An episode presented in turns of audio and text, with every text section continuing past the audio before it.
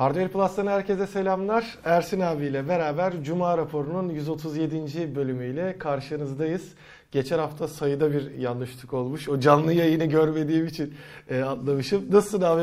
Gayet iyi. 137 geride bıraktığımız bir haftayı çok yoğun geçirdik değil mi? Canlı Evet, yayınlar. CS. CS'e kimse gidemedi ama senin sayende Hardware Plus izleyicileri gitmiş gibi oldular CS'e. Önümüzdeki haftada devam edecek mi? Yok artık e, bu haftayla kapatmış olacağız. Hani Bitiyor. de önümüzdeki hafta artık teknolojilerini e, konuşuyoruz. Ve büyük bir ihtimalle orada gördüğümüz, duyurulan bu yeni ürünler yavaş yavaş Türkiye'de Evet, dağıtıma hani çıkmaya başlar. Yavaş yavaş Hı hı. başlarız. Ee, özellikle işte AMD'li e, laptopları vesaire. Şubat'ta zaten e, piyasaya çıkacak deniliyordu. Bize de galiba Şubat'ta gelmeye başlar. Ee, en çok dikkatini çeken ürün ne oldu? Ee, benim kesinlikle Asus'taki e, ZenBook Pro Duo'nun yeni e, versiyonuydu. Geçtiğimiz sene zaten burada hep beraber de kullanmıştık. Şu çift ekranlı. evet, ScreenPad Plus'ı çok güzel bir düşünceydi ama efektif kullanamıyorduk. Şimdi ona da Adobe'la belli ki bir dirsek teması yaparak geliştirmişler ve artık çok rahat bir şekilde önünde panel olarak bir kolorist gibi vesaire kullanabileceğini e, orada gösterdiler. O yüzden o benim fazlasıyla dikkatimi çekti. E tabi hani iş- işlemciler, ekran kartlarını da e, ayrıyetten merak ediyoruz ama geçtiğimiz sene işte dediğim gibi ZenBook Pro Duo'yu çok hoşuma gittiği için yenisinde nasıl bir kullanım sağlayacak merakla bekliyorum. Hadi bakalım gelsin o. Zaten gelir büyük Evet. ihtimalle. En azından şey olsa da oradaki kadar üst seviyesi olmasa da yine o model gelir diye incelemeye ediyorum. gelecektir. Asus öyle şeyleri atlamaz. Evet. Getirir Türkiye'yi. Az da olsa gelir. Biz Cuma raporumuzun konularına dönelim. İlk konumuz zaten aslında e, şu anda bir önceki gece diyeyim tabii izleyen arkadaşlarla kıyasladığımızda e, uzun uzun konuştuğumuz e, Galaxy S21 ailesi resmen tanıtıldı. Aynı zamanda Türkiye fiyatları da e, belli oldu. İlk fiyatlardan bahsedeyim. E, 10 bin liradan başlayıp e, 16.500'e kadar gidiyor. S21'in tek modeli var. S21 Plus'ın çift modeli. E, Ultra'nın da iki farklı modelle beraber e, Türkiye'de satışa çıkacak. Ama seninle konuştuğumuz gibi e, zaten detaylı bir şekilde görmek isteyenler ben açıklamaya da e, linkini bırakırım S21 değerlendirmemizin. Yaklaşık 45-46 dakika boyunca değerlendirdik. Bu sefer makası açmış biraz. Yani S21 Ultra farklı bir cihaz gibi olmuş ki sonrasında e, dikkat ettiğimde lansmanda da öyle. İlk S21 ve S21 Plus'ı tanıtıyorlar. Sonra bazı şeyleri söyleyip sonrasında S21 Ultra'ya geçiş yapıyorlar. Şimdi biz bu konuyu dün gece yayına aldığımız, gece saat 1'de galiba yayın aldık değil mi? Evet. 1'de yayın Bir aldığımız değerlendirme videosunda 40 dakika konuştuk. Neredeyse bir lansman boyunca konuştuk. Bir de artık Cuma raporunda konuşmamıza gerek yok. Sadece şeyi söylemekte fayda var. Fiyatlar pahalı ancak Samsung o hani kur çarpı 1.9'dan daha ekonomik fiyatlar açıklamaya çalışmış Evet. Samsung Türkiye. Yani bir çalışma yapmışlar ellerinden geldiği kadarıyla. Tabii buradaki fiyatları şu anda biz geçen yılın cihazlarının fiyatlarıyla karşılaştırıyoruz ve pahalı buluyoruz. Ama tahmin ediyorum ki e, bu 2021 cihazlarının tamamı bu ve benzeri fiyatlardan gelecektir. Evet. Ve bir kez daha işte bu yılın amiral gemisi mi, bu yılın orta segmenti mi, geçen yılın amiral gemisi mi, hangisini alayım hikayesinde insanlar geçen yılın amiral gemisine fiyat yüzünden Evet. yönlen, Şu an için yönlenecekler. öyle mantıklı durum. Ee, benim beğendiğim yanları da var, beğenmediğim yanları da var S21'in. Anlamsız bulduğum yanları da var. Yani mesela niye sadece 5G ile geliyor Türkiye'ye?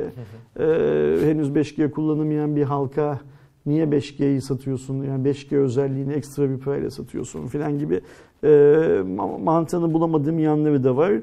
Ee, S21 Ultra gerçekten çok geliştirilmiş bir cihaz olarak var şu anda önümüzde duruyor. S21 Plus ve S21'e kıyasla. Dönüp şeye bakacağız. Diğer markalar S21 Ultra ile rek- rekabet edebilecek cihazlar çıkartacaklar mı? Çıkartırlarsa onların Türkiye'deki satış fiyatı 16.500 liradan daha ucuz olacak mı? Buna Evet. bakacağız en nihayetinde. Benim de mesela e, dünkü e, konuşmamızda galiba bahsetmediğim sonradan biraz daha böyle Aa, aslında şöyle bir detayı da var dediğim konulardan biri de şuydu. E, orada mesela şeyi konuşmuştuk işte S10 ailesini de konuşmuştuk hani iyi olduklarına dair. Ondan sonra şeyi fark ettim. S10 Plus 2K ekranla geliyordu. E, S20'de e, 120 Hz'de desteklediler ama Hı hı. 120 Hz kullanmak için Full HD'ye dönmen gerekiyordu bir konu var. Tamam bu da kabul.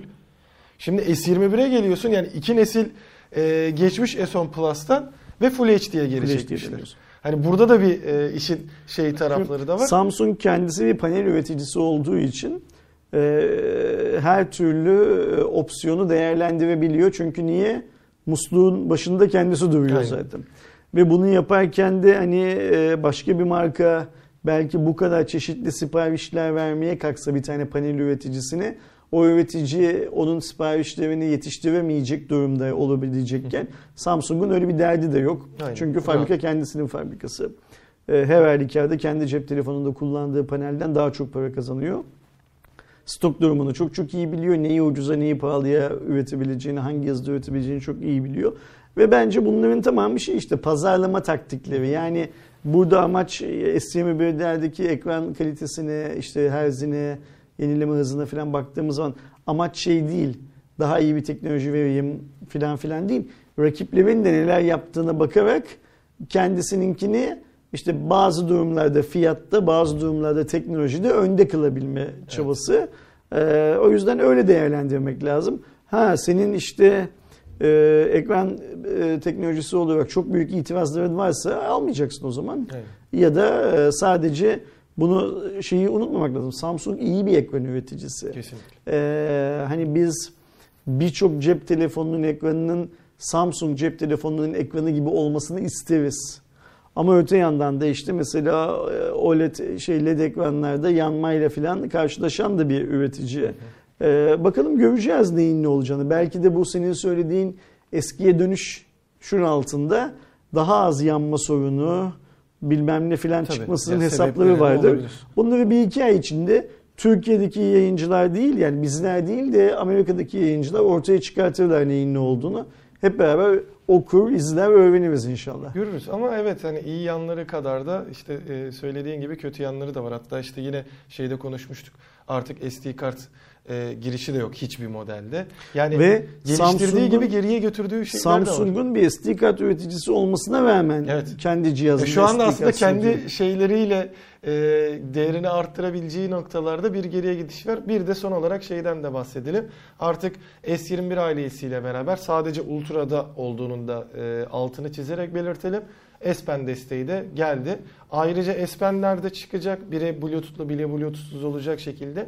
Aynı zamanda e, sık sorulan sorulara da baktığımızda Note 20'nin kalemini de S21'de kullanabileceksiniz.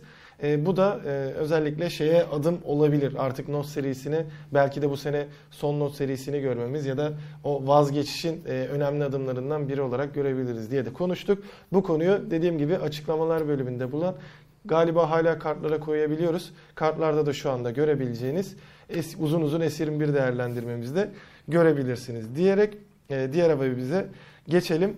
E, yanlış hatırlamıyorsam direkt dün ortaya çıkan Hı hı. e, haberlerden biriydi. Biliyorsunuz Amerika'da Huawei'nin bir e, kara listeye girme mevzusu var. Aslında onun bir adım daha ötesinde artık şu anda ambargo uygulanıyor e, Huawei'ye Çin ile Amerika arasındaki durumlardan.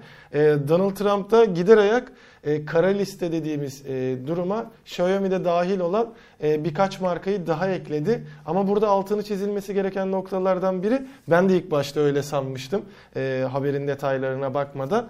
Hani artık e, Xiaomi'de işte Google'la çalışamayacak, Snapdragon'la çalışamayacak gibi bir durum değil. Şu an için sadece yatırım e, konusunda bir engel eklendi ama tedarik vesaire konusunda yani şu anda Mi 11 yine Amerika'da satılacak ama bu adımın e, Huawei kanadı da böyle başlamıştı ve Hı hı. devam etti. Xiaomi de şu anda bir e, sıkıntıya girebilir Amerika konusunda. Yani işte Biden'lı hüküm Biden'ın kahraman olması gerekiyor. Çünkü sonuçta yeni başkan. Bence e, bunlar suni sorunlar. Biden çözsün diye ve Biden'ın Çin hükümetiyle pazarlık yaparken eli güçlensin diye Biden'a sunulan sorunlar. 9 listenin arasında sadece Xiaomi değil e, DJI falan da var. Aynen. Ee, hani mümkün mü? Ee, Amerikalı drone'u nerede uçuracak yoksa? Yani ki Hani Amerika'da yani tartışmasız drone denildiğinde akla gelen ilk marka. Dünyada öyle ilk marka. Aynen. Bunlar şey biz tansiyonu biraz yükseltelim de poker masasında elimiz yükselsin yani elimiz değerlensin şey diyor bence hareketliyor bence. Ee, mesela hep konuştuğumuz şey var. Huawei'nin cihaz üretememesinin Amerikan sektörüne ne kadar zarar verdiğini, Amerikan şirketlerinin karlılıklarında ne kadar azalmaya neden olduğunu hala bilmiyoruz. Niye bilmiyoruz? 2020 yılı bitti ama 2020 yılının finansalları çünkü Amerika'da takvim yılıyla finansal yıl aynı değil. Evet. Bu şirketlerde ya çip üreticisinde şunda bunda filan. Mart, Nisan, Mayıs, Haziran gibi o yıl dönümleri kapandıkça şirketler şunu söylemeye başlayacaklar. Atıyorum mesela biz geçen yılı başa baş noktasında kapattık. Ee, korona çok büyük etkiledi bizi. Ayrıca Huawei ile iş yapamıyor olmamız da negatif etkiledi. Bilmem ne filan gibi açıklamaları görmeye başlayacağız. Şimdi o açıklamalar daha yüksek perdeden telaffuz edildiği zaman Amerikan seçmeni yani o şirketlerin hisselerine yatırım yapmış olan Amerikan halkının beklentisi şu olacak. Bizim hisse senedini aldığımız şirket devlet eliyle zarar ettiriliyor ee, ve ben buradan para kaybediyorum Aynen. diyecek. Ya da mesela bu şirketlerden bazıları kalkıp diyecek ki bizim işin hacmimiz küçüldüğü için ya da beklediğimiz kadar büyümediği için planladığımız X sayıdaki yeni işi alımı yapamıyoruz. Ya da hala hazırdaki şeyimizden, kapasitemizden şu İşten kadarını çıkarmak. işten çıkarmak zorunda kalıyoruz filan. Bunların hepsi dönecek dolaşacak Amerikan başkanının önüne e, bir sorun yumağı olarak gelecek. Ha Biden çok gönüllü mü sanmıyorum bu Amerikan politikası. Ama Biden sorunun çözülmesi konusunda Trump kadar şey olmayacak diye düşünüyor herkes. Ee, dediğim dedik çaldığım düdük modunda olmayacak. Biraz daha, Daha uzlaşmacı. uzlaşmacı bir tavır şeyi yapacak. Şimdi uzlaşmacı tavır nedir? Sen adamla anlaşacaksın. Biliyorsun anlaşacağını zaten. Araya böyle başka sorunlar çıkartırsın ki bu sorunlar üstünde pazarlık yapıp bunları sorun olmaktan çıkartıp sen kendi esas isteğini olduğu gibi kabul Hmm. ettirmek için. Bunların Evet. hepsi yani figüran sorunlar aslında. Evet. Bunlar masada Bunlar piyon. Aynı öyle bunlar piyon. Bunlar Maç masada şey olacak. Sorun olarak görünecek ama aslında bunlar sorun değil bence. Ben öyle yorumluyorum. Çok üzerine şey yapmamak Evet. lazım, takılmamak lazım. Çünkü şöyle bir şey var. Xiaomi'nin e, Huawei'nin düştüğü duruma düşmesi demek e, tüm Amerikan şirketlerinin Huawei'de ettikleri zararın 10 misli zarar etmeleri anlamına gelir. Yani bugün dünyada Qualcomm'un Xiaomi'den daha iyi müşterisi var mı? Yok. Tamam yani Google'ın Google, da yok. Google'ın Xiaomi'den daha iyiymiş. Bir de biz dünyayı sadece Xiaomi ile Qualcomm'la, şey pardon Android ile Google'la Qualcomm'la bunun işte Texas Instruments tarafı var, çip üreten, e, mo- modem üreten tarafı var, anten üreten tarafı. Bunların hepsi Amerikan Kendisi patentleri. O yüzden hani e, mümkün diye Xiaomi'nin böyle bir ambargonun altına alınması. Bir de şey var şimdi Huawei'yi ambargo altına aldıysa da Huawei üst segment cihazları üretiyor. Hadi diyelim ki Apple'ı öne çıkarmak için yaptın. Xiaomi'ye ambargo koysan hangi Amerikan şirketi bundan faydalanacak? Ya da dünyadaki hangi şirket faydalanacak bundan? Sadece Samsung faydalanacak. Zaten o öyle bir duruma ulaşırsa bence bu daha öncesinde konuşulan e, Çin'deki güç birliği olayı da e, şey olabilir. Çünkü Xiaomi de o topa girse yani e, bir ambargo uygulansa büyük ihtimalle e, BBK grubu der ki hani galiba sıra bana geldi der yani. Öyle Aynen bir öyle. durumda da kendi içlerinde bir şey yapıp ya da kendini bilinçli bir şekilde geri çekip bu sefer örnek veriyorum e, işte HarmonyOS sistemini kullanmak ya da kendi sistemlerini illaki onlar da arkada yapıyordur. Bir anda koparsa e, böyle bir adımdan en büyük zararı zaten senin de söylediğin gibi Amerikan şirketler olur. Qualcomm çok büyük kan kaybeder. E, diğer taraftan zaten en büyük sıkıntıyı Google yaşar. Yani en büyük toplarını şu an zaten şeyi açtığımızda Apple'ı çıkardım mı e, bir Samsung var orada Koreli olan geri kalan Şimdi Çinli. Google en nihayetinde yazılım satıyor. Yazılım sattığı için de endüstriyel maliyetleri bir Texas Instruments kadar işte atıyorum modem anten üreticisi kadar bilmem ne kadar yoğun değil. Yoğun olmadığı için de kayıpları daha çok toleranslı bir şirket. Ama sen bugün e, hayatının büyük bir yani hayatının dediğim ticari hayatının büyük bir kısmını Xiaomi'ye anten satarak geçiren şirketler, Xiaomi'ye işte atıyorum küçücük bir soket satan şirketlere bunu getirirsen o şirketler iflas ederler Amerika'da yaşayamazlar. Çünkü zaten e, o şirketler halihazırda diğer markalara da satış yapıyorlar ama Xiaomi adetsel olarak çok büyük bir oranda onların müşterisi Evet. şu anda. O yüzden yani hani bu 9 şirket üzerine çok fazla konuşulacağımız bir konuşacağımız bir konu değil. Ben şey diye tahmin ediyorum. Hmm, 2021 yılının Haziran ayı olmadan biz bu Trump hükümetinden miras kalan ambargonun ne şekilde ilerleyeceğinin sinyallerini Biden hükümetinden çok net almış oluruz diye Ona düşünüyorum. gül dökmüş yollarına gibi bir durum oluyor yani. Aynen Biden öyle. için. Aynen öyle. Bakalım e, göreceğiz. Diyelim gelişmeleri zaten sizlere aktarıyor olacağız. Devam ettiğimizde e, Telkoder'de 2020 yılında e, alakalı aslında birçok veriyi e, açıkladı ama en çok dikkat çeken e, konulardan biri 4 kişilik bir ailenin yıllık haberleşme giderinin ortalama 3736 lira olduğu yönünde. Yani aylık ortalama 300 lira. Evet. Ciddi oranda artış bir göstermiş. Zaten onunla alakalı da e, e, burada veriler var. Örneğin sabit telefona vergiler dahil e, aylık ortalama 42,37 TL ödediğimiz 3 GSM op- operatörü abonelerinin ortalama aylık ödemeleri ise 50 liraymış. Yani aslında birçok insan ortalama olarak 50 lira fatura ödüyor e, cep telefonları için. Sabit internet bağlantısı için aylık ortalama vergiler dahil 70 liraya çıkmış. Bu giderlerin hepsinin %18'i KDV yanı sıra sabit ve mobil hizmetleri ve sabit ve mobil internet hizmetleri için de %7,5 Ö- ÖİV özel iletişim vergisi de devlete verdiğimizde bahsedilmiş. 4 kişilik bir aile haberleşme gideri için de devlete aylık 63 lira 27 kuruş. Yani bütün herkes bu işte akıllı telefon, internetiyle falan devlete her ay 63 lira 27 kuruş e, ödeme yapıyor imiş. Allah devletimize zeval vermesin. Diyelim bunun üstünde konuşulacak çok bir şey yok. Yani e, geçmiş olsun Türk halkına. Ayda 300 ve 4 kişilik bir aile şeyinden kesiyor, e, mutfağından kesiyor, boğazından kesiyor. Sadece şeyi ödüyor, e, fatura olarak ödüyor. O paranın da büyük bir kısmı yine dönüyor dolaşıyor. Vergi E, olarak. Devletimize vergi olarak gidiyor. E, Yani konuşacak çok fazla bir şey yok. Bir sonraki habere geçelim. O, bu arada şeyin de e, Telkoder Yönetim Kurulu Başkanı e, Halil Nadir Teberci de bu konu hakkında özellikle doların e, dövizin daha doğrusu etkisinin olduğunu da e, söylemiş.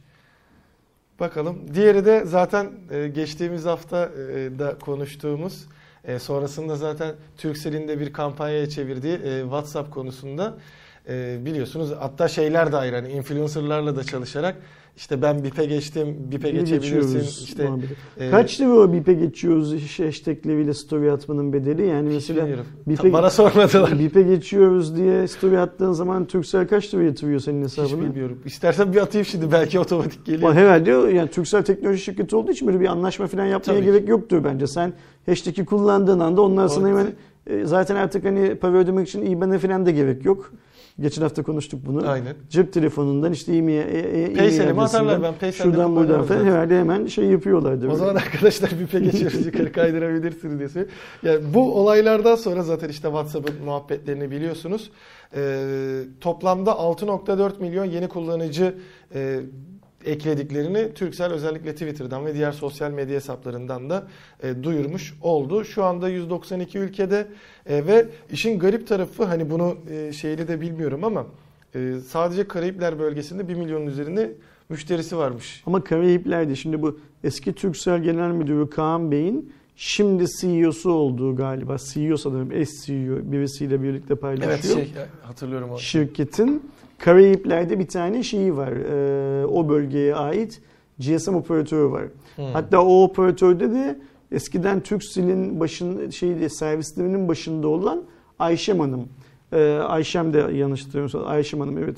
Ee, Kaan Bey Turkcell'de işten çıkartıldıktan sonra e, Kaan Bey ile ilişkisi olduğu düşünülen birçok insan daha işten çıkartıldı benim bildiğim kadarıyla ya da en azından kulislerde böyle konuşuldu. Ayşem Topuzlu ya da Topuzluoğlu da o işten çıkartılanlardan bir tanesiydi. Servislerin başındaydı. Yani işte bu Turkcell'in dijital servisler dediği BIP'ti, yani, yani miydi? Yani. Yani işte dergilik, zıvır falan hepsinden sorumluydu. Kaan Bey kendisi o pozisyona transfer olduktan sonra, iş bulup gidip orada çalışmaya başladıktan sonra Ayşem Hanım'ı da aldı. O Karayipler'deki şeyin, e, operasyonun bildiğim kadarıyla başına geçirdi. Şimdi Ayşem Hanım zaten Türkiye'de bu işi kuran ekibin bir parçası olduğu için orada da bunu kuruyor. Bu Turkcell'in e, yurt dışına servis satma operasyonunun benim bildiğim kadarıyla şu anda en büyük halkalarından bir tanesi. Yani insanlar orada BIP kullanıyorlar da benim anladığım kadarıyla insanlar orada Turkcell aracılığıyla BIP kullanmıyorlar. o operatör aracılığıyla BIP kullanıyor. Çünkü nasıl Turkcell burada BIP kullanana bazı avantajlar veriyorsa o operatör de diyor ki WhatsApp kullanacağınıza, Telegram kullanacağınıza, bilmem ne kullanacağınıza BIP kullanırsanız size şu var, bu var diyor.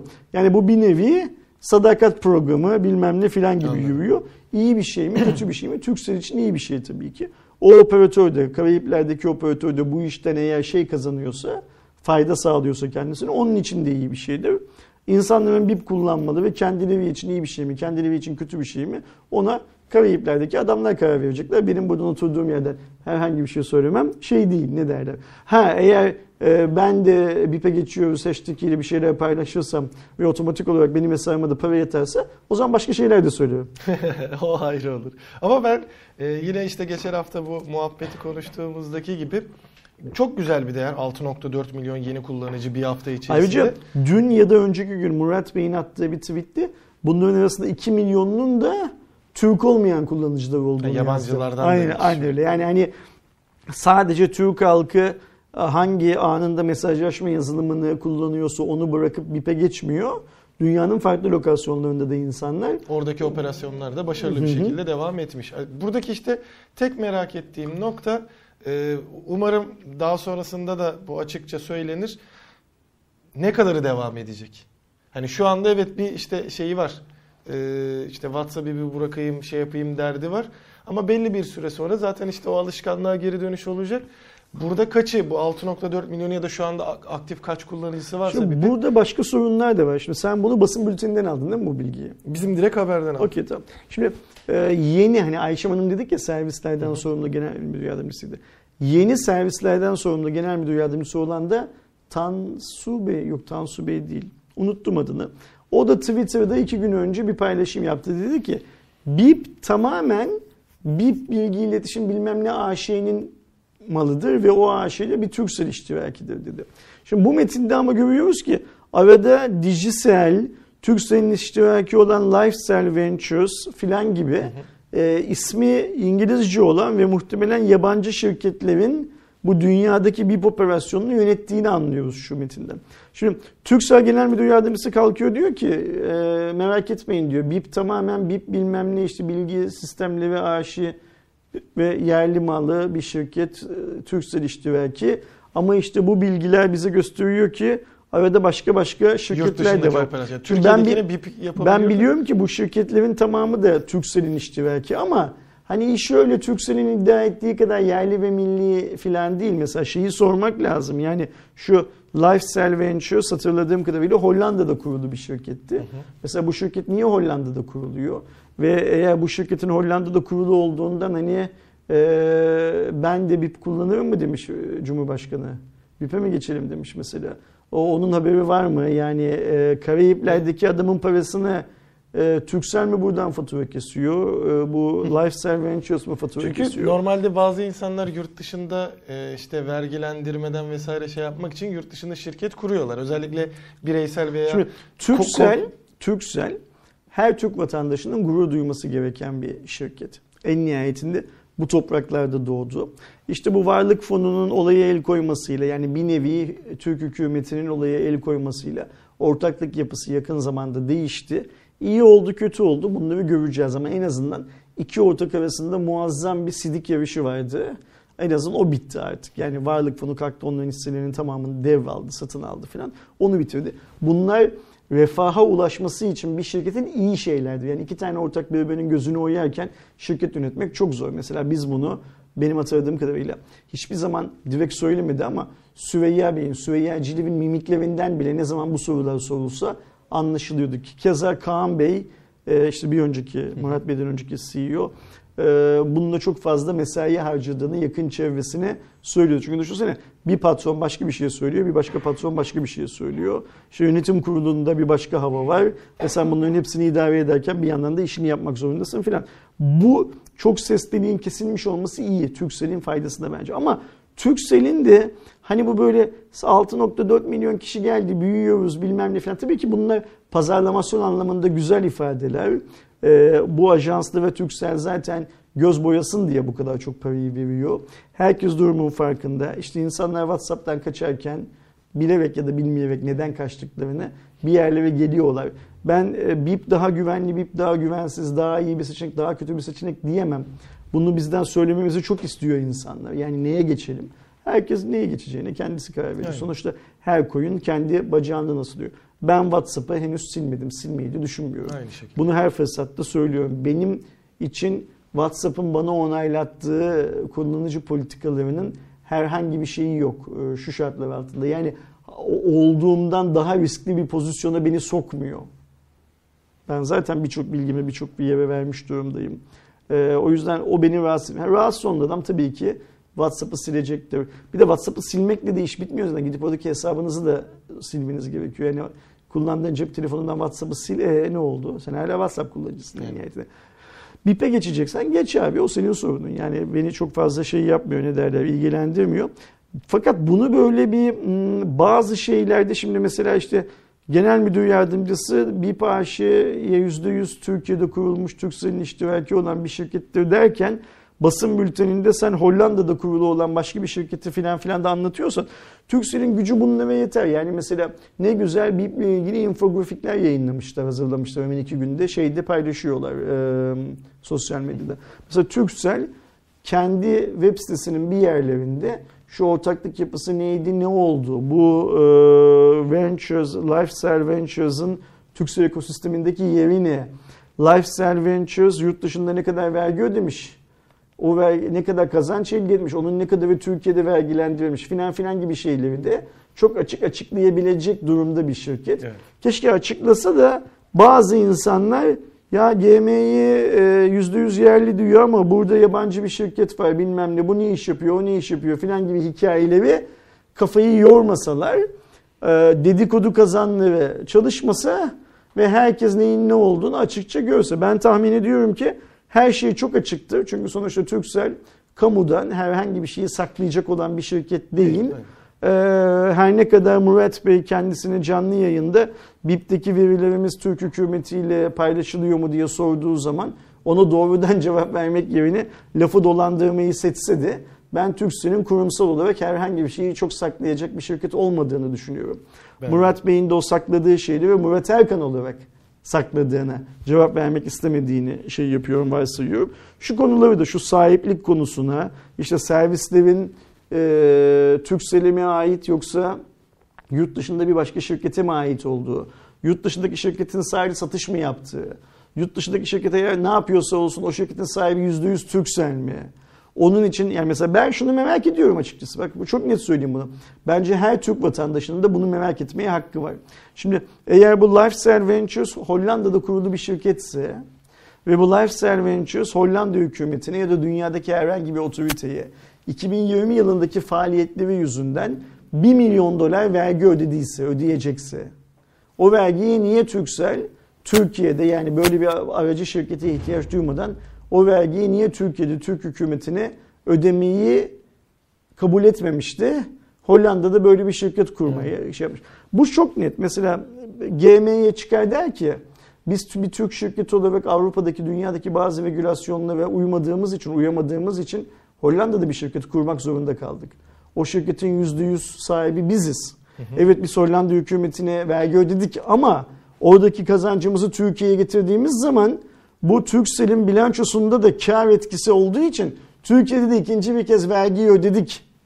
Bunu söylersin. Zaten Yani iş böyle olmuştur büyük Sitesinde bir şey ihtimal. diye bahsetmişler zaten. Lifestyle Ventures e, kooperatifin e, %100 bir e, Türksel ve gerçi Incorporate e, in the Netherlands olarak %100 şey olduğunu bahsetmiş. Yok işte tamam zaten öyle olduğunu tahmin ediyoruz. %100 Turkcell sahibidir de Ama oradaki bu şeyle. şirket Hollanda'da ne Ha, kadar vergi ödemiş? aynen. Şimdi ve Hollanda'da bu şirketin kurulma amacı neymiş? Yani mesela Turkcell şunu söylese mesela atıyorum. Biz bu AB şirketi Hollanda'da ha, şu şu şu nedenler yüzünden kurduk dese bence buradan Sanayi ve Ticaret Bakanlığı'nın Türk hükümetinin de alması gereken bazı mesajlar var. Ne mesajı alacak?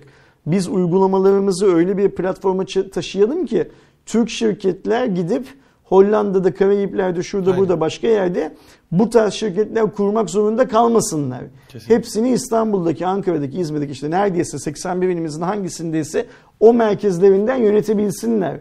Böylece yerli ve milli diyoruz ya hani mesela Türksel de kullanıyor artık yerli ve milli lafını. Benim Facebook, Twitter'daki paylaşımlardan gördüğüm kadarıyla Türksel yöneticileri de bu yerli ve milli söylemini kullanıyorlar. İşte böylece mesela şimdi şu sence güzel olmaz mı?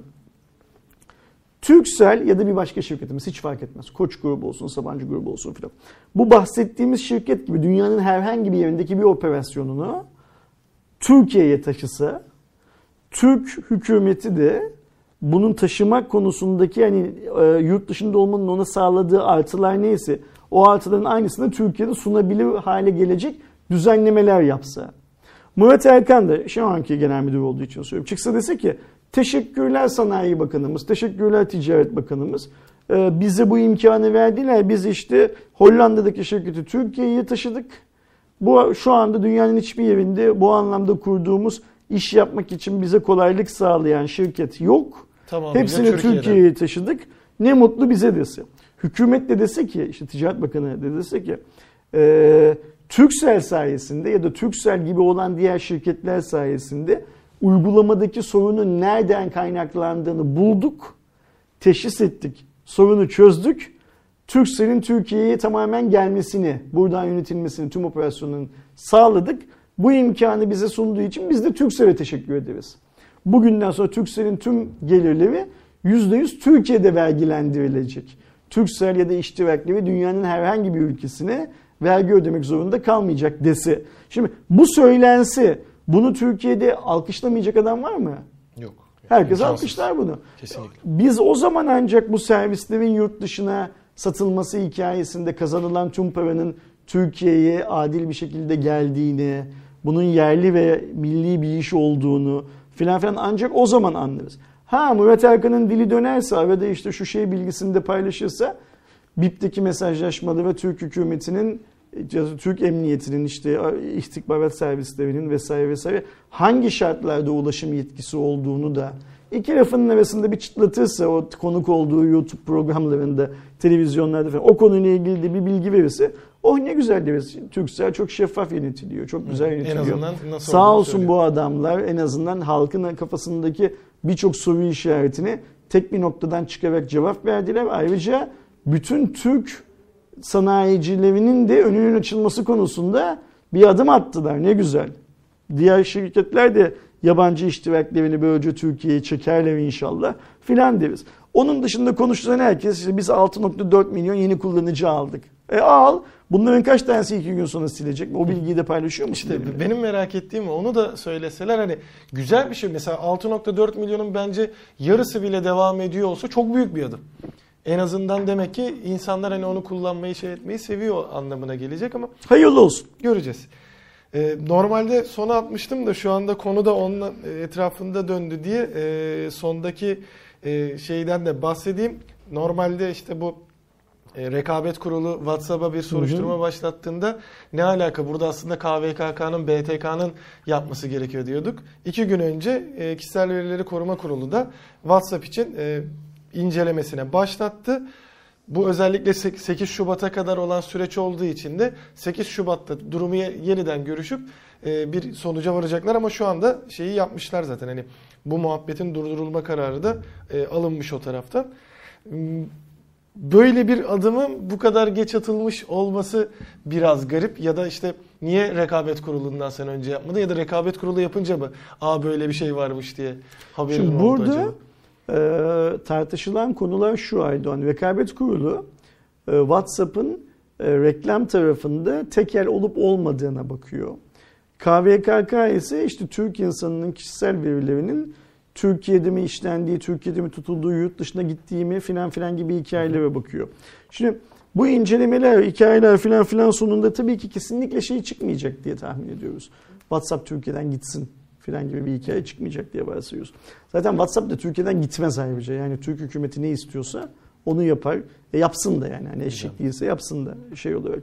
En nihayetinde otorite ne söylüyorsa ilk önce ona uymak. Eğer seni rahatsız eden bazı yerler varsa, karşında da muhatabın varsa Uzlaşmaya onları çalışmak. e, ne, ne derler pazarlık etmek yani de- dertlerini falan anlatman gerekiyor. Ha Türk hükümeti WhatsApp, Telegram, işte bilmem ne filan gibi yabancı mesajlaşma yazılımlarını Türkiye'de istemiyor diyor ya bazı kısmı. Ben buna katılmıyorum. İstemiyor olsa bir Şöyle, düğmeyi aynen. çevirmekle hepsini BTK durdur, yani. durduruyor. BTK durduruyor hepsini ve bunu durdurmak için de öyle şu anda çok büyük yasal sorunlar vesaire filan da yok yani hani çok kolay yapıyorsun. Adamların derdi demek ki yani adamlar dediğim yöneticilerin derdi. Demek ki bunları durdurmak bilmem ne yapmak filan filan değil en nihayetinde. Kurallara uysun isteniyor. Şimdi biz bu adamlardan 4-5 yıl önce vergilerini ödesinler diye bahsediyorduk. Vergiler ödendi. Şimdi KVKK kişisel verileri koruma kanununun kurallarına uysun isteniyor. Uyacak eli mahkum. Yani Yani. uyumamak gibi bir lüksü kimsenin yok. Rekabet kurulu diyor ki rekabetin korunması kanununa uysun. Onu da uyacak. Eli mahkum. Yani uyumam diyemez şey anlamında. O yüzden bunların hepsi şeye oturacak. Reyine oturacak tabii ki. Burada şöyle bir şey var. Arkadaşlarımızın kafasına en çok şey yapan hikaye. Ben de burada çok şeydim, e, ne derler, bilgisizdim. Öğrendim geride bıraktığımız bir iki gün içinde. Şimdi Avrupa'da bu hikaye yok deniyor ya. Yok hayır Avrupa'da da var. Bu güncellenen politika Avrupalıya da sunuldu. Yani Avrupa topluluğu ülkelerinde olanlara da sunuldu. Sadece onların şeyinde ne derler listesinde Facebook entegrasyonuyla olan madde yok. Yani o hani bizim Facebook'ta paylaşacak diye adlandırdığımız madde yok ama grup şirketleriyle paylaşacağı zaten yazıyor. Şimdi bizim Türkiye'de KVKK dediğimiz kanun Avrupa topluluğunda uygulanan kanunla çok benzeşse de aynı değil. Dünyanın çoğu ülkesinde de bizimkine benzer bir kanun uygulanıyor. Yani burada modern bir kişisel verileri koruma kanunumuz olduğunu söyleyebiliriz. Ama Avrupa topluluğu kendi içinde e, şartları biraz daha yukarıya çekmiş. Şartlar biraz daha yukarıya çekildiği için bak bu çok önemli. WhatsApp oradaki şartlara uygun bir kullanıcı politikası oradaki insanların karşısına çıkartıyor. Ama dünyanın geri kalan her yerindeki insanları Türkiye'dekini çıkarttığı gibi çıkartıyor. Mesela şu anda bu sorun sadece Türkiye'de değil, Hindistan'da da bu sorun var. Ve WhatsApp 4-5 gündür Hindistan'ın en çok satan gazetelerine tam sayfa reklam vererek, bak tam sayfa reklamlar vererek, e, dün yaptığımızdan daha farklı bir şey yapmıyoruzu anlatmaya çalışıyor. Oradaki insanlara da anlatmaya çalışıyor. Yani Türk insanının önüne sunulan onaylanması istenilen metin Hintlilerin de önüne sunuldu. Hintliler de benzer bir şeyi veriyorlar. Öte yandan Avrupa'daki arkadaşlara soruyoruz. Sizde durum ne? Bize de soruldu. Onayladık ama hiç böyle bu kadar ona yaygara çıkmadı diyor. Niye çıkmadı? Oradaki regülasyona göre bir bir şekilde. metin sunuldu onlara. Şimdi ben burada Ersin olarak ee, arkadaşlar ben WhatsApp'ı siliyorum benim bilgilerimi Facebook'ta paylaşacakmış bilmem ne filan dememle bu iş olmuyor. Bak KVKK durumu el koydu. Evet. Eğer o Facebook dalga metresi yani milletin hani e, Zuckerberg bizim nude'u görecek diye endişe ettiği hikaye KVKK kurallarına aykırıysa KVKK kurumu zaten diyecek ki WhatsApp'a dur be hemşerim diyecek. Hatta bunu şimdilik bilmem kaç kişi onaylattığı için al şu kadar da sana para cezası diyecek. Ha eğer Türkiye Cumhuriyeti'nin kabul ettiği kişisel verileri koruma kanununa uygunsa da şeyin yaptığı WhatsApp'ın yaptığı yürü diyecek. Buradan devam et. Doğru yoldasın devam et. Şimdi benim hassasiyetimi WhatsApp'ın öncelikle değil e, kişisel verileri koruma kurulunun yani anayasayla yetkilendirilen kurumun gözetmesi gerekiyor benim haklarımı. Bizim haklarımızı, hepimizin haklarını. Biz WhatsApp'tan ya da Mark gibi sicili zaten çok temiz olmayan bir adamdan Ayşe'nin, Ersin'in, Fatma'nın, Erdoğan'ın, şunun bunun filan şeylerini, haklarını savunmasını bekleyemeyiz. Ama kimden bekleriz? Anayasamızla bu hakları korumakla görevlendirilen kişisel verileri koruma kurulundan Bekleriz. bekleriz. Birisi bu çizgilerin dışına çıktığı zaman onu ya sopayla ya başına okşayarak o çizgilerin içine tekrar davet etsin diye. Şimdi gördüğümüz kadarıyla kurum incelemesini başlatmış. Oturup sonucuna bakacağız. Ha ben şurada şunu merak ediyorum mesela Saydoğan. Şimdi kurumun incelemesi sonrasında iki tane sonuç çıkma ihtimali var değil mi? Ne diyecek kurum? WhatsApp'ın yaptığı KVKK'ya uygundur diyecek. Aynen. Ya Ya da, da değil. WhatsApp'ın yaptığı KVKK'ya uygun değildir diyecek. Şimdi WhatsApp'ın yaptığı KVKK'ya uygundur derse eğer bizim Türkiye'deki uygulamadaki yasalara uygun olduğunu söylerse hani bu ben WhatsApp'ı bırakıyorum gidiyorum filan diyenler ne yapacaklar?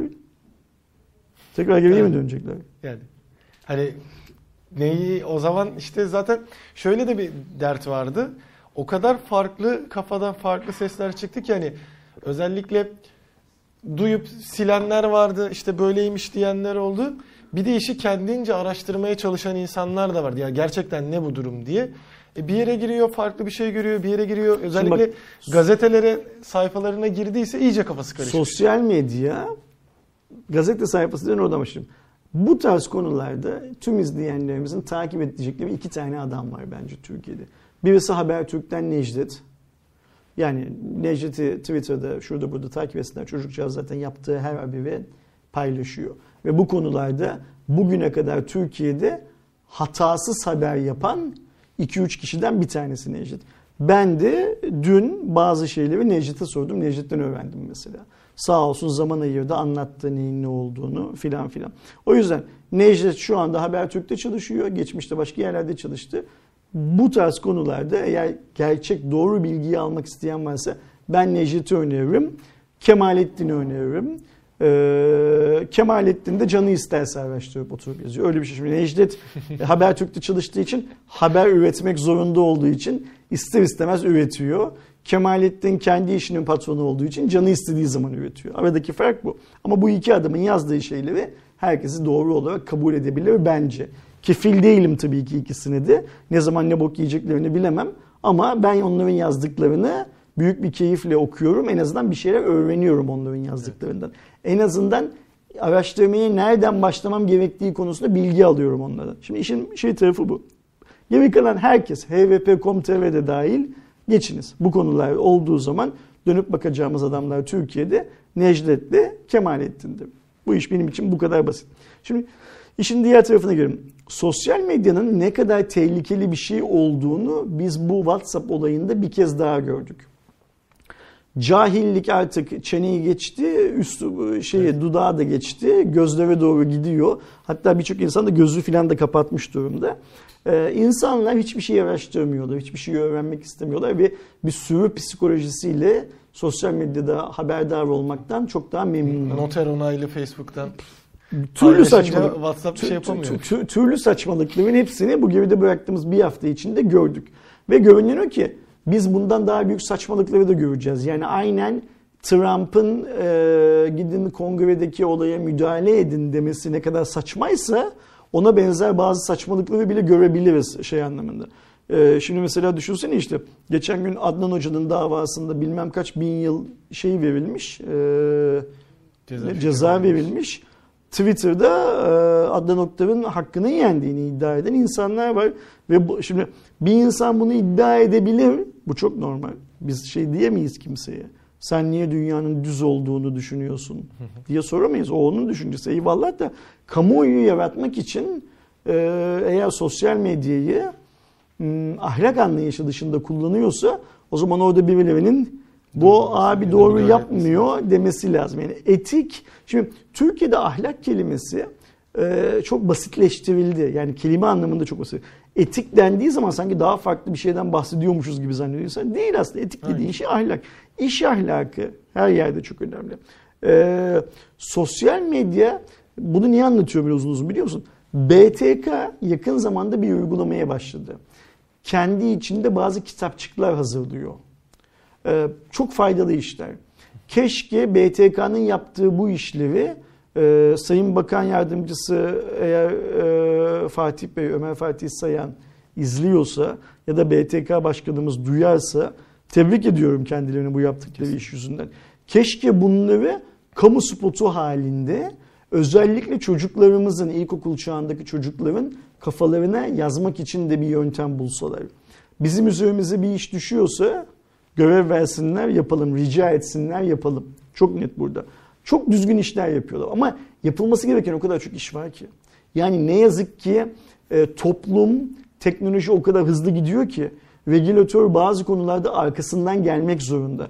Ve bu konuda BTK'nın falan yapabileceği hiçbir şey yok. O sadece bilgilendirme yapabilir ve bak başladı yapmaya. Ben bekliyorum ki yakın zamanda benim 4-5 yıldan beri kendimi yırta yırta gidip okullarda anlattığım falan şu sosyal medya okur yazarlığı konusunda yol almaları lazım. Yani sosyal medyada gördüğümüz her şeyin doğru olmayabileceğini bugün iki kere ikinin dört ettiğini bildiğimiz kadar dünyanın yuvarlak olduğunu bildiğimiz kadar biliyor olmamız lazım. Bu Kesinlikle. kadar. Burada başka bir şey yok. Ya onu Ve şunlardan kurtulmamız lazım artık. E, ben Aydoğan'da gördüm. Aydoğan'da Ayşe'de görmüş. Ayşe'de Fatma'da görmüş falan. Bu hikayeden kurtulmak Evet. lazım. Evet sosyal medya hayatımızı çok şey yapıyor, kolaylaştırıyor bilmem ne filan da işin her zaman gerçeği sosyal medyada. Bak şimdi koronavirüsle ilgili Sağlık Bakanlığı bir kamu spotu yayınlıyor sürekli. Koronavirüsle ilgili okuduğunuz her şeyin doğru olduğuna inanmayın diyor. Ee, lütfen araştırın. Doğru olmadığını bildiğiniz şeyleri de paylaşanları uyarın diyor. Şimdi kanun yapıcının gücü bu kadar mıdır? Benim uyarmamla mı bu iş olur? Ben biliyorum ki BTK istese, yani istese dediğim Ulaştırma Bakanı BTK'dan bu dezenformasyonların azaltılması konusunda daha çok mesai harcamanızı talep ediyorum dese ve bütçeden de çıkartıp parayı bu iş yapılsın diye masanın üstüne koysa bu iş azalır. Peki Türk hükümeti o bütçeden çıkartıp parayı masanın üstüne nasıl koyacak? Şöyle koyacak bak şimdi. Yapılmaya çalışılan şey de bence bu zaten. Yani bu e, temsilci atasının falan hikayesi var ya. Bu temsilciler şunlar bunlar falan tanıdıktan sonra bunları diyecekler ki siz eğer bak mesela bankaların Twitter'a reklam vermeleri yasaklandı. Niye? Twitter çünkü sahte reklamlar göstererek e, bankaymış gibi bazı dolandırıcıların Kredi reklam yapmasını engellemediği için tüm bankalar yasakladı. Şimdi Twitter reklam tarafında Türkiye masasında artık sahte banka reklamı verenleri kontrol etmeye başladı. Niye? Gelirleri azaldı adamların. Aynen öyle. BBDK arkadaşım sen Twitter'a reklam vermeyeceksin. Yasak dediği anda Twitter'ın gelirleri azaldı. Twitter ona bu adamların reklamlarını alma dendiği zaman yok canım bu adam reklam veriyor ben alırım derken bir anda kendi içinde ulan biz bu adamların reklamlarından nasıl kurtuluruz? Yani kötüden kurtulmamız lazım ki iyi gelsine döndü. Şimdi aynı şey e, bu temsilcilikler falan tanıdıktan sonra deneyecek ki bu adamlara arkadaşlar dezenformasyonu yalan haberi engellemeniz lazım. Engelleyemiyoruz diyecekler mesela. Okey o zaman senin hepiniz yıllık gelirlerinizin binde bilmem kaçını aynen YouTube payı gibi, TVT payı gibi şu komisyona akıtacaksınız.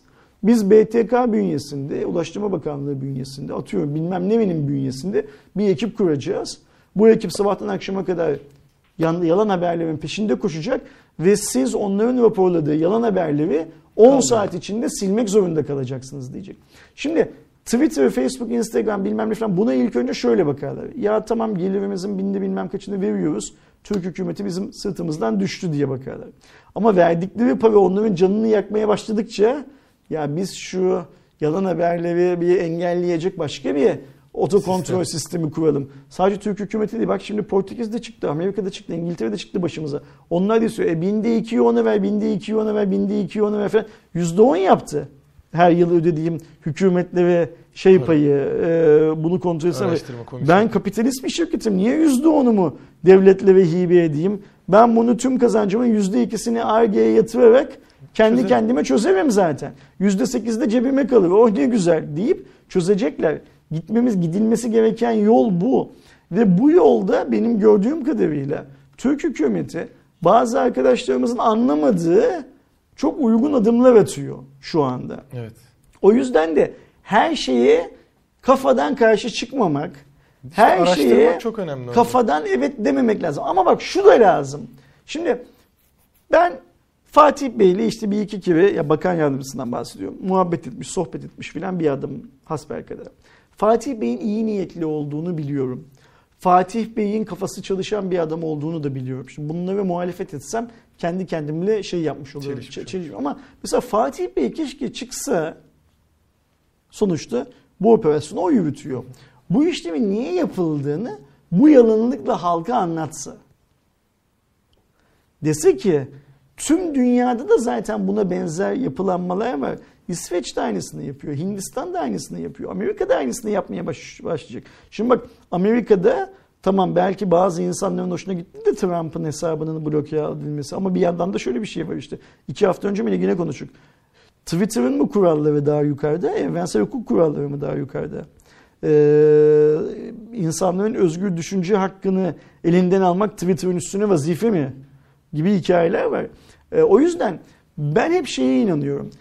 Evet doğrudur Fatih Bey bir siyasi politik kişiliktir. Yani e, artık devlet memuru değildi. Bir önceki görevi BTK başkanı iken devlet memuruydu. Evet. Ama şimdi bakan yardımcısı olarak devlet memuru değildir artık. Bir siyasi görüşün temsilcisidir ve o yüzden de bakan yardımcısı olmuştur zaten. Dış çevreden ama yine de Fatih Bey gibi vizyonu açık insanların halkı bilgilendirmek gibi de bir görevliği olduğunu düşünüyorum.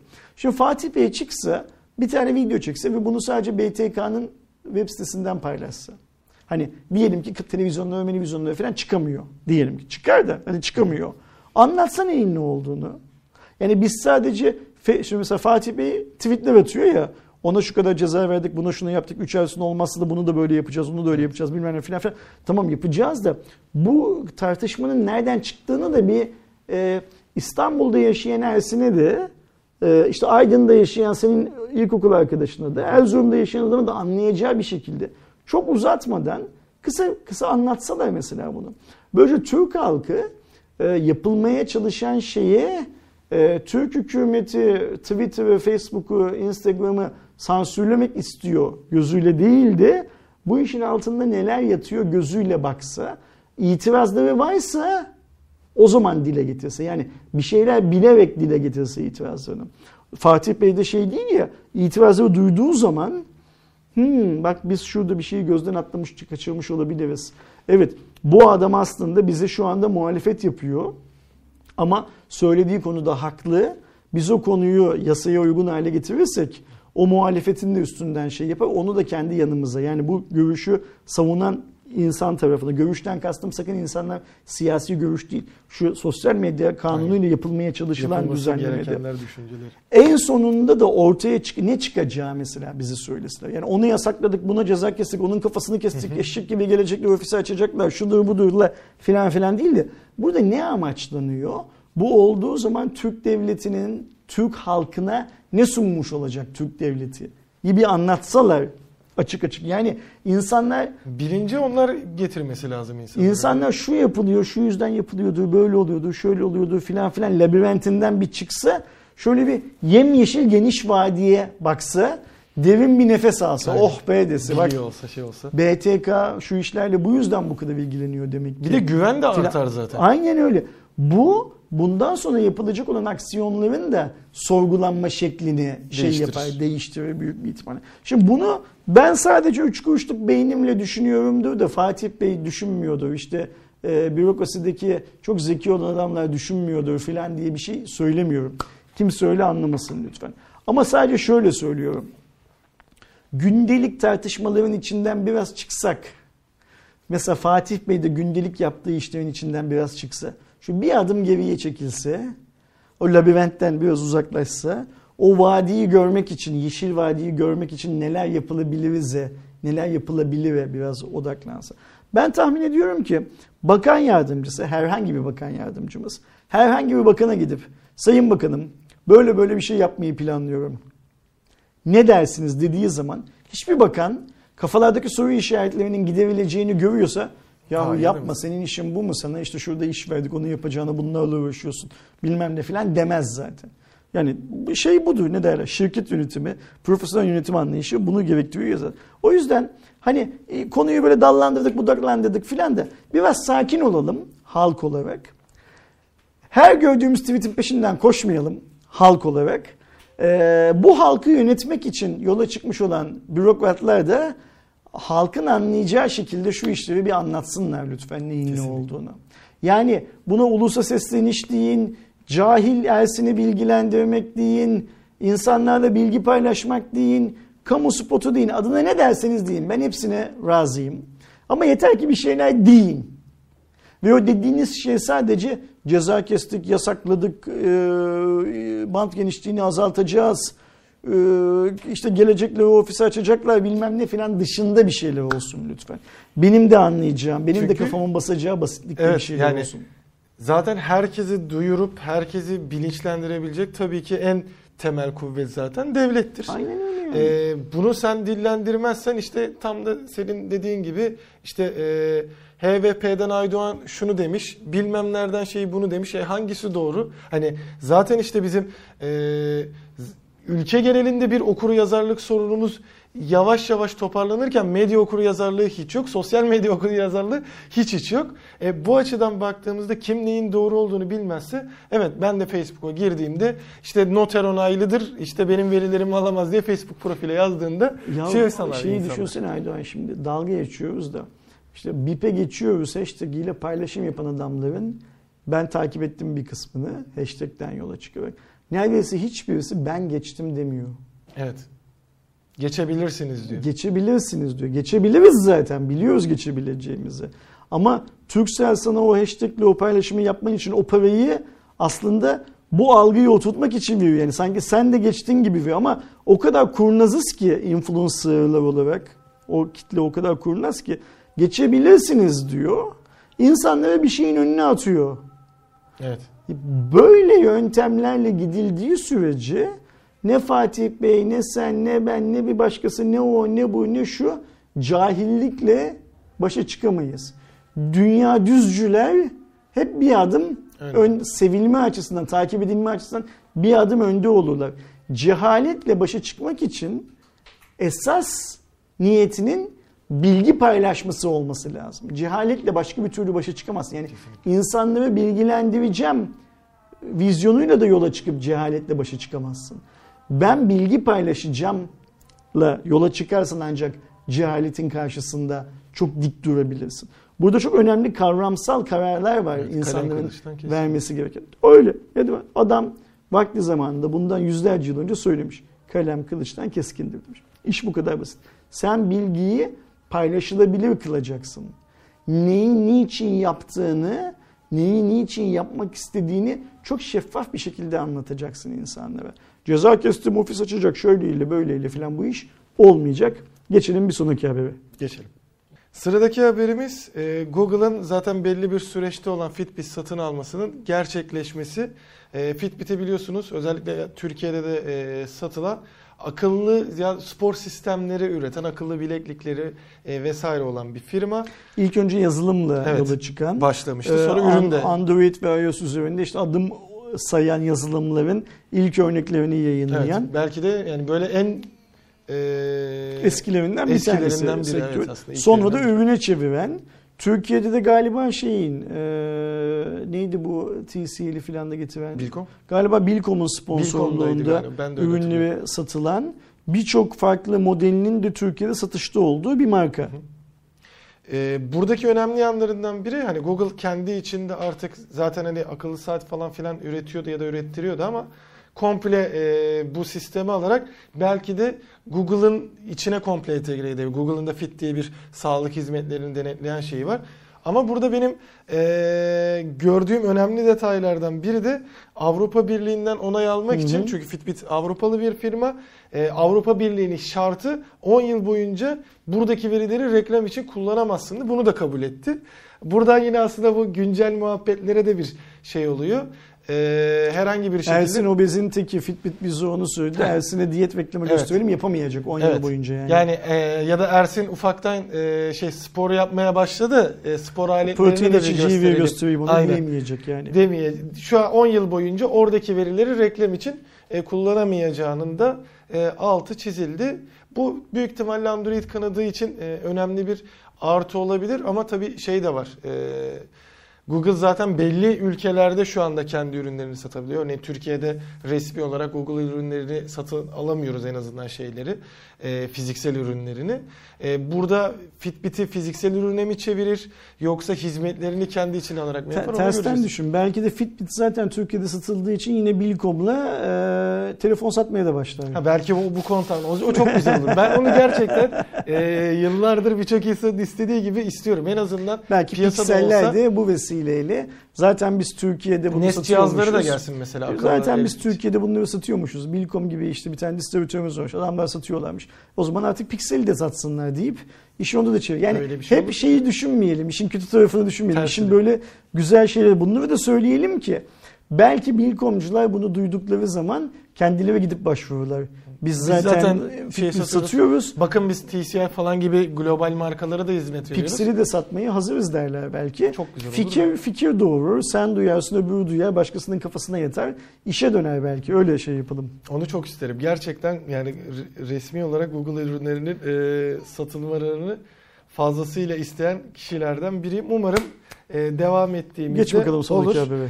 Ee, yine aşı konusundan bahsedeceğiz. Bu hafta itibariyle aşılama başladı. Zaten hafta başında e, Sayın Cumhurbaşkanımızın yaptığı açıklamada orada e, Sayın Bakan'a şey demişti. Perşembe Cuma gibi e, başlarız herhalde değil mi diye sorduğunda bir e, tüyo alınmıştı ve gerçekten Dün de başladı. dün itibariyle başladı. Ama e, şöyle bir e, detayı fark ettim.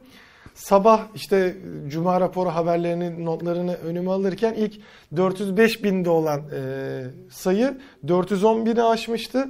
Şimdi dedim bir de son versiyonuna bakayım. En azından 15 Ocak 2021 saat 12.26 itibariyle 460.941 kişi Dakikada ortalama 5000 kişi falan. Neredeyse evet dakikada 5000 kişi e, artıyor ve e, gerçekten hızlı bir aşılama. Şu anda Allah hızımıza zeval vermesin. amin. E, ilk aşamada şu anda yani biz ben gidip aşı olacağım diyemiyorsunuz. Sadece sağlık çalışanları, sağlık kurumlarında e, çalışan görevliler çünkü en büyük risk grubunda onlar var. E, oradan başladı. Benim de çevremdeki birçok e, sağlık kurumunda çalışan doktor, e, işte hemşire vesaire arkadaşlarım da aşılamaya dahil olduklarını e, görüyorum. Sonrasında bir e, şey de açıkladı e, bakanlık, bir yol haritası da e, açıkladı. İkinci sırada e, direkt 65 yaş üstü değil aslında e, bakım evlerinde çalışan özellikle işte yaşlı ve e, engelli koruma e, e, evlerinde çalışıp onlarla birebir irtibatta olmak durumunda kalan e, çalışanlar olacak. Ardından 65 yaş üstü öncelikli sektörler diye yine insanlarla ilişkide bulunan öğretmen vesaire gibi sektör olacak. Sonra 50-64 kronik e, yaş altı, 49-6 e, diye de devam ediyor. En son ona dikkat etmiştim. 20-29 yaş arası. En son seviyede eğer bu sizin de aşılama zamanınız gelmiş, size de bir şekilde duyurulmuş ve gitmemişsiniz. Şansınızı komple En sona sona. attığınızı Hı da hı. söyleyelim. E, zorunluluğun da şu an için olmadığının da altını çizmek Şimdi lazım. burada şöyle bir şey. Dün baktığımızda günlük 100 bin kişi gibi görünüyordu. Bugün baktığımızda 400 bin 500 bine kişi. vardı. 500 Birazdan vardı. 500 bin Yani neredeyse şey günlük kadar. ortalama 250 bin kişiye ulaşacak. Bence günlük 100 bin kişi bile çok fazla bir rakam. Yani muazzam bir başarı. Ya tabii şu anda hastanedeki insanlar aşılandığı için görece olarak operasyon insanlar. daha kolay. Ve bu insanların büyük bir kısmı da zaten kendi kendilerine bile gerekiyorsa enjeksiyon yapabilecek e, donanıma sahip Komple olan sağlık insanlar. çalışanları. Yine 100 bin olarak varsaysak, Türkiye'nin de 100 milyon olduğunu varsaysak nüfus olarak, günde 100 bin kişiyi biz aşılayarak bin günde bütün ülkeyi aşılayabiliyoruz. Bin gün uzunca bir, bir süre. Yani hastalığın önünü almak için uzunca bir süre. Kaldı ki elimizde benim bildiğim kadarıyla iki günde 500 bin kişiyi aşılayarak devam edebileceğimiz kadar aşımız da yok Aynen. zaten. İlk parti gelen aşımız da yok zaten. Bir de bu arkadaşların aşılarının işe yarayabilmesi için 15 gün sonra ikinci dozu almaları gerekiyor. Yani daha fazla aşıya ihtiyacımız olacak. Benim yine bildiğim, takip edebildiğim kadarıyla e, bakanlığın e, aşı ihtiyacımızı nasıl karşılayacağımız konusunda mutlaka bir planı vardır ama halkla paylaştığı bir e, hani şu kimler aşı olacak e, sıralaması gibi bir yol planı Şu an e, için halkla evet. paylaştığı yok. Yani mu- muhtemelen bakanın kafasında e, yardımcılarıyla filan bir planı vardır. Şimdi burada da işte biraz önce söylediğimiz yine açıklık politikaları devreye giriyor. Bunların hepsini açıklaması lazım. Yani amaç mesela şu anda eldeki şeyle aşıyla şu öncelik sıralamasındaki kaç şeyi bitireceğiz? Kaç segmenti Evet. bitireceğiz? Yani burada Ya da ne sekiz- kadar sürmesi planlanıyor? 8 segment var burada. Bu 8 segmentin kaçı birinci ve ikinci doz aşılarını ne zamanda alıp bitirecekler? Yani mesela ben belki rakamlara takık bir adam olarak şöyle bilgiler ve ihtiyaç duyuyorum. Mesela ilk sağlık kurumu ve eczane çalışanları ya biz Şubat'ın 20'sinde atıyorum birinci segmentteki herkesin ilk iki dozunu alıp gerçekten aşılanmış çünkü şu anda yarım aşılanmış durumdalar Evet. ya aşılanmış forma bürünmesini hedefliyoruz demesi lazım Sağlık Bakanlığı'nın. 20 Şubat'ta da bir duyuru yayınlayıp hedefimiz bugüne kadar hepsini yapmaktı. Yüzde bilmem kaç oranında hedefe ulaştık diye de teyit etmesi Evet. lazım. Benim olayın şeyini doğru düzgün yürüdüğünü sıranın bana geldiği zaman bir sorun çıkmayacağını falan anlamak için. Ayrıca işte bu aşının koruma oranının yüzde kaç olduğu onu konusunda yeryüzünün farklı noktalarında üretilen farklı rakamlar var şu anda. Bakalım Türkiye'deki nasıl olacak? Türkiye'dekinin ne olacağı ile ilgili de yine bakanlığın bu dünden sonraki gelişeceğimiz süreçte çok şeffaf bilgiler paylaşıyor olması lazım. Üç, yine benim açımdan e, muhatabımız Sağlık Bakanlığı olduğu için hep Sağlık Bakanı'nı söylüyorum. Tüm Türk halkının hangi sürede aşılanmasının planlandığı konusunda evet, hepimizi aynen şu 8 maddelik listede bilgilendirdiği gibi açık bir deklarasyonla Ben bilgilendirmesi en son lazım. mesela şu anda şeyim 18-29 yaş en son aşılanacak e, sekmede. Bana sıra mes- mesela ne zaman gelecek? Bu Şimdi ben de çok merak 49 ettiğim- yaşındayım. 49 48 yaşındayım. 49 yaş altı en sondan bir önceki proseste e, ben sıranın, aşamada evet. ben sıranın bana ne zaman geleceğinden öte benden öncekilerde uygun e, işler yapıldı mı daha çok merak ediyorum. Çünkü şöyle bir hikaye var Aydan. Sen sağlık kurumunda ve eczanede çalışanları aşıla, onları bu dertten kurtar. Yaşlı ve engellileri aşıla kurtar ikinci basımı. 65 yaş üstünü çıkart aradan. Öncelikli sektörler nelerse herhalde e, Milli Savunma İmam Bakanlığı, vesaire filan Bakanlığı, Aşıla kurtar. 50-64 yaş arasında aşıla kurtar. Yani sürüden, riskli olan sürüden bu arkadaşların tamamını sırayla al ve alırken de sistemin doğru düzgün çalıştığını tüm dünyaya deklare et ki ben de 49 yaş altı bir insan olarak sondan bir önceki zamanda sıranın bana gelmesini sabırla inanarak bekleyeyim. Bekleyelim. Ama sen bu aşamalarda sorun yaşarsan o zaman ben sıranın bana gelmesini büyük bir ihtimalle sabırla ve anlayışla beklemem. Bu da toplum içinde bazı huzursuzluklara neden olur. Şu acaba en kritik aşama başladı o yüzden. acaba bir şeyler yanlış mı yapılıyor? Acaba bu aşı yerine bilmem ne aşısı mı olsaydık? Ya da mesela sıra bana gelinceye kadar ben Sağlık Bakanlığı'nın bana önerdiği Çin aşısıyla mı bekleyeyim? Yoksa Allah aşkına cebimde 3 kuruş param var. Bir yerden bir yer dediğim kara borsa, illegal vesaire filan yollar da olabilir. Bir yandan Alman aşısını bulayım, işte Rus aşısını bulayım, bilmem ne aşısı, Oxford aşısını bulayım. Acaba evde kendi kendime onu mu yapayım? Bir eczacı arkadaş var bizim yapar. Gideyim ona bana onu mu yaptırsın filan gibi arayışlara girmememi sağlamak için bu aşılama sürecinin de çok şeffaf bir şekilde şey yapılması lazım, e, ilerlemesi lazım. Bundan sonraki süreç evet e, kesinlikle çok daha şeffaf şey olmalı. Ee, şunun da altını çizmek lazım. İşte tabii ki e, hem örnek olması açısından başta e, Sayın Bakan ve e, kendi şu andaki o kuruldaki üyeler ilk aşıları oldu. Ardından e, hem destek hem de işte örnek olması açısından e, Sayın Cumhurbaşkanımız da aşıyı oldu. Hatta bu sabah oldu yanlış bilmiyorsam e, Sayın Recep Ta- Tayyip Erdoğan'ın aşılanması. E, aşı kesinlikle olunması gereken bir kısım. Hani burada e, işte belli başlı şeyleri görmek herkesin hakkı. Acaba ne olacak? Hani gerçekten işe yarıyor mu? İşte e, Ersin abinin de bahsettiği gibi farklı ülkelerden farklı sayı gidiyor ve şu anda en düşük bizim olduğumuz aşıya %68'e kadar düştü. Bizdeki oranı nasıl olacak? E, bu da önemli. Buradaki şeffaflık önemli. Ama e, bu tarz e, pandemi süreçlerinin geçmesi için de e, aşılamanın çok önemli olduğunun da altını çizmek lazım. Hala korkanlar ya da e, karşı olanlar var. Zaten bu pandemiden önce de özellikle çocuklarına e, aşı yaptırmaktan çekinen birçok aile de vardı. Düz dünyacılar Evet. vardı. E, aşılamanın ne kadar iyi olduğunu lütfen hani Şimdi korkuyorsanız da araştırın. Cumhurbaşkanının aşı olması sembolik olarak güzel bir şey. Şöyle güzel bir şey. Biz geçmişte kuş gribi zamanında Sağlık Bakanı'nın grip aşısı olun dediğini Cumhurbaşkanı'nın da o zaman yanlış hatırlamıyorsam başbakandı. Ben olmama gelecek bir açıklaması yaptığını bildik, gördük, hatırlıyor. Yani bu şeyde hafızada yazıyor. Bir bu. de çay kısmı var işin. O başka bir hikaye. Şimdi o yüzden e, Sağlık Bakanı'nın, kurulun, Cumhurbaşkanı'nın e, bu aşıları olduğunu varsaymak tabii ki toplumu rahatlatır. Çok Evet. güzel bir şey. Ha şunlar var. Merkel Almanya'da ilk sırada olmuyor da Türkiye'de niye Cumhurbaşkanı ilk sırada oluyor? Bunlar tabii ki tartışılacak Tabii ki. şeylerdir. Yani Almanya'nın önem sırasında Merkel demek ki o kadar yukarıda değildir. Türkiye'nin önem sırasında Cumhurbaşkanı çok yukarıdadır. Eğer sen vatandaş olarak Türkiye'nin önem sırasında Cumhurbaşkanı'nın çok yukarıda olmamasını istiyorsan bir sonraki seçimlerde e, bir sonraki dönemde ya da bir sonraki pandemide Cumhurbaşkanı'nı en ön sıraya koymayacak olan siyasi görüşe oy verirsin o zaman.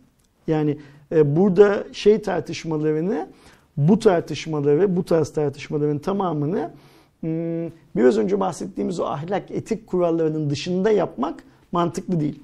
Şu an hükümet bir yol planı açıklamış değil mi? İşte sen 8 basamaklı şeyi yazdın. Bu yol planından ilerlenecek. Bu yol planının doğru mu yanlış mı olduğunu sonradan tartışacağız. Hani kervan yolda düzülür. Böyle konularda uygun bir yöntem değil. Evet. Sen ilk önce vatandaş olarak şuna karar vereceksin. Sen bu aşıyı olacak mısın, olmayacak mısın? Önce bir ona karar ver. Zorunlu da değil. Zorunlu değil altına- çünkü şu anda. Şu an için en Ha, azından zorunlu. Devlet, hükümet zorunlu hale getirirse ayrı mevzu. Senin karar verebileceğin bir şey yok. O, O zaman zaman seve seve gideceksin o aşıyı olacaksın. Ya da olmayıp kanuna aykırı davranmış olacaksın. Ceza Şu anda çekersin. bu plan belirlenmiş. Haritaya üstünde ilerleniyor. Bu sorun nedir sorunun adı? Covid-19. Bertaraf edilsin. O zaman kalkar şeyi söylersin. İlk önce benim anam aşı olmasıydı ama benim anamın yerine gitti Recep Tayyip Erdoğan aşı oldu. Ben bundan memnun değilim Orada dersin. şey ünlü muhabbetlerinde bir şey olmuştu. Galiba orada yine bir popülerlik olsun diye. Ya tabii şey şimdi yapılmış. mesela iki gün önce birçok doktor Twitter'da ya biz tıp çalışanları olarak bugüne kadar bu konuda bilmem kaç tane e, arkadaşımızı kaybetmişken, vefat etmişken ilk Alişan'ın aşı olmasını kendimize yediremiyoruz dediler. Yani senin ananın yerine Recep Tayyip Erdoğan'ın aşı olmasından daha önemli bazı şeyler de var, sistemler de var çarkın içinde. Bunların hepsini vatandaş olarak eğer rahatsızsan sandığa gittiğin zaman hesabını sorarsın. Ama nasıl hesabını sorarsın biliyor musun? Bunların hesabını sormaya gönüllü siyasi oluşumlar varsa onları destekleyerek hesabını sorarsın. Şu an ne yazık ki sadece Türk halkı olarak bizler değil tüm dünya insanların öncelikli derdi kendilerini Covid'den korumak. Kesinlikle. Bunu kendini bir odaya hapsederek de yapabilirsin. Aşı olarak da yapabilirsin. Bilim aşı olmanın daha mantıklı olacağını şu an bize söylüyor. Geçmiş deneyimlerimizden yola çıkarak. O yüzden aşılama sırası geldikçe gidip aşı olmamız lazım. Ama yine şunu söyleyelim. Faz 3 çalışmaları henüz tamamlanmamış olan bir aşıdan Evet. bahsediyoruz. Bu şartlar altında her birey ben faz 3 çalışması henüz tamamlanmamış bir aşıyı olmak istemiyorum deme hakkına da Sahiptir. bana soracak olursanız sahiptir. Aynen WhatsApp'ı sileceğim de neye geçeyim diye sorduğun zaman bunun doğru cevabı yoksa Aynen. sen karar vereceksen şey. aşı konusunda da sen karar vereceksin arkadaşım ne yapacağını. Olay iyi yönetildi, kötü yönetildi, şöyle oldu, böyle oldu ve kısmetse Allah ömür versin, Allah sağlıklı bir Amin. ömür versin. Pandemi sonrasındaki ilk ortamın müsait olduğu zaman nedir o ilk ortamın müsait olduğu? Galiba en erken seçimler 2023'tü değil mi? Galiba evet. Yanlış da biliyor olabilirim. Yani si- siyasetle o kadar alakalıyım ki seçimin bile ne kadar zaman olduğunu. İlk seçimlerde her birey benim gönlüme göre bu işler yapıldı. Ben bu yapılan işler konusunda çok rahatım. Bu işleri yapan adamları ödüllendirmek istiyorum. Benim bir oy hakkım var. Onunla ödüllenmek istiyorum. Deme hakkına sahip olduğu gibi bu işlerin hiçbirisi benim istediğim gibi yapılmadı. Yapılanların hiçbirisine kafam basmıyor. O yüzden ben bu işleri yapan adamları bu işleri daha iyisi Yapacağını yapabileceğini düşündüğüm. düşündüğüm Aydoğan'la Ahmet'le Mehmet'le değiştirmek istiyorum diye mühür sende. Basarsın yoluna devam edersin. Kesinlikle. Son olarak e, diğer habere geçmeden e, aşılama takvimi kafanızdaki sorularla alakalı Sağlık Bakanlığı'nın da ayrıca bir sitesi açıldı. Yine e, benim aşağıya koyduğum time kodların yanında bunun da şeyini veririm. Ama covid19 asi.sağlık.gov.tr olduğunu da söyleyelim. Bir de daha aslında genel kitleye yayılmasına vakit var ama hazır yine aşıdan bahsediyorken söylemek istiyorum. E, lütfen aşı olduktan sonra tamamen artık bir sıkıntım yok. Hani ben artık Covid'den kurtuldum deyip çok e, rahata şey yapmayın. Sadece sizin direncinizi arttıran bir durum. Bir daha Covid geçirmeyeceksiniz ya da bunun sıkıntılarını yaşamayacaksınız diye bir durum değil. Her yıl olduğumuz e, grip aşısı gibi sen grip aşısı olsan da tekrar geçirebiliyorsun. E, bunu da unutmayın. Hani en çok korktuğum konu da işin rehavet kısmı. E, özellikle artık son faza, daha doğrusu son aşamaya gelindiğinde. Covid'de esas görevin size düştüğünü unutmayın arkadaşlar. Evet. Siz bu virüsten uzak durmakla yükümlüsünüz. İş bu kadar olmak basit. istemiyorsan yani daha doğrusu Covid Ölmek istemiyorsan. Aynen, ölmek istemiyorsan olmak istemediğini o'yu öyle diye. Şimdi ölmek istemiyorsan bu iş bu kadar basit. Ve tekrar teknolojiye e, dönüyorum. Zaten e, canlı yayınları da yaptığımız e, CES'te özellikle mobil tarafla alakalı beklenenleri karşılığını aldık. AMD Ryzen 5000 serisinin mobil işlemcilerini duyurdu. Nvidia'da RTX 30 serisi ne zaman mobile gelecek yani laptoplarda göreceğiz diyorduk. Onları da duyurmuş oldu. Ekstradan e, PC tarafında da 3060'ı da getirdi. Böylelikle 3060 Ti'den de hatta yine Nvidia Türkiye listesine baktığımızda 3200 TL'den başlayan fiyatlarla gibi görünen bir fiyatla yani yaklaşık 4000 bandında yeni nesil bir RTX 30 serisi ekran kartı da göreceğiz.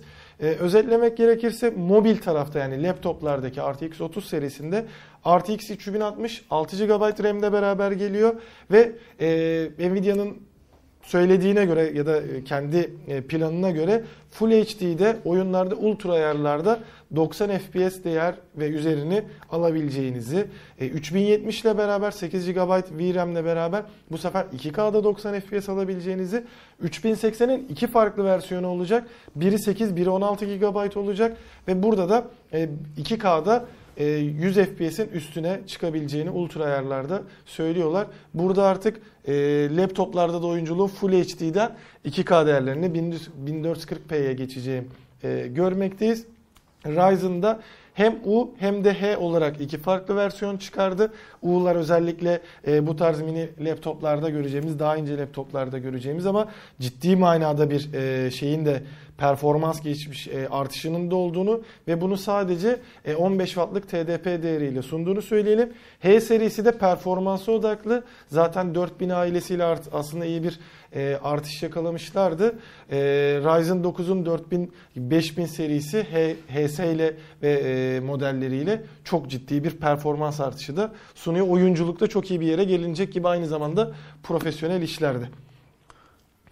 Geç bakalım şey Sony'nin hızlı bir şekilde. Sony'nin Vision S'ine. Ee, söylemiş olayım. Bu şekilde de özetleyelim konuyu. Sony'nin zaten daha önce duyurduğu e, kendi aracı vardı Vision S olarak ve Sony'nin bütün teknolojilerinin kullanıldığı e, araç bu sefer de e, özellikle artık e, yollarda test edilmeye başlandı. Hala araç %100 şeyde değil ama işte sesli asistan, e, OTA dediğimiz o telefonları uzaktan gelen güncellemeyi alabilecek, 5G desteği, sürücü görüntüleme ve el kol hareketleriyle özellikle ortadaki konsolu kontrol edilebilmesi gibi önemli avantajlar sağlıyor. Bir de tabii ki bir Sony ürünü olduğu için ortadaki dashboardta tabii ki araç sürmüyorken PlayStation kontrolcüsüyle de orada eğlenme durumu var. En azından yandaki e, yolcu, sürücü koltuğunun yanında oturan yolcu oradan da kontrol sağlayabilecek gibi bir durum Şimdi var. bu haber çok güzel bir günde geldi. Şöyle çok güzel bir günde geldi.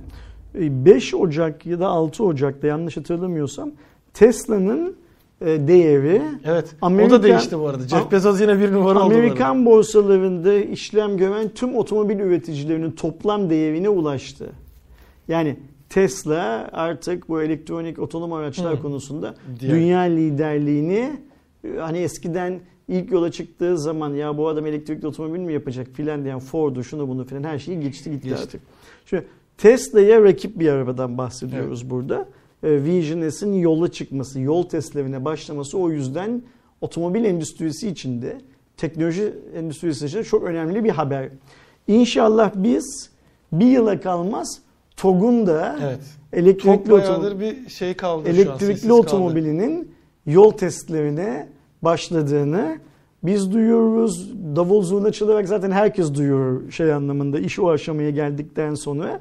İnşallah en yakın zamanda onu da görürüz.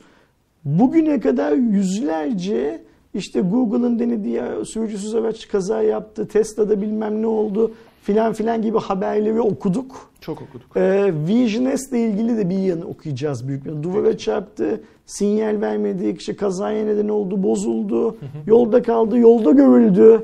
Başkaları Evet. gördü, fotoğrafını çekti falan haberlerini çokça göreceğiz. Gönlümden geçen şey bir an önce bu haberlerin benzerlerini TOG için. Evet. Yani gitti, kaldı, durdu, e, çarptı, Allah korusun çarptı, ki- bozuldu filan. Çünkü bunlar gelişimin, prosesin sinyalleri aynı zamanda. Bu sinyaller olmadan öyle lönk diye şey yapan ne derler e, dünyanın üstüne düşmesi beklenen bir teknoloji yok dünyada. Bir gelişme yok. Bu evrelerden geçmek zorunda. Ben o yüzden elektrikli araçlar, otonom araçlar konusunda Tesla'nın yola çıktığı günden beri en büyük virajı Sony'nin Vision S'le aldığını düşünüyorum. İnşallah üçüncü virajı da TOG'la. TOG'la Türkiye alır diyelim. Ve bu cuma raporunu burada Böylece bitirelim. Ne Bu dersin? sefer galiba şey geldi. Uzunluk rekoru gelmiş olmalı diye tahmin ediyorum. Ne kadar sürdü tam emin olmasam da. Bir buçuk saatimiz var. Ha? Bir saat Aynen, 25 bir dakika. Bir, 25 bir buçuk Şey- saati yine. Bir muhabbet ederiz. Arkadaşlar önümüzdeki hafta 138. Cuma raporunda bir buçuk saati de aşarak artık ortalamamızı iki saate doğru yaklaştırmanın yollarını Aydoğan'la birlikte arayacağız. Önümüzdeki hafta o kısmetse bundan daha uzun olacağını varsaydığımız Cuma raporunda görüşünceye kadar kendinize iyi bakın. Hoşçakalın. Hoşçakalın.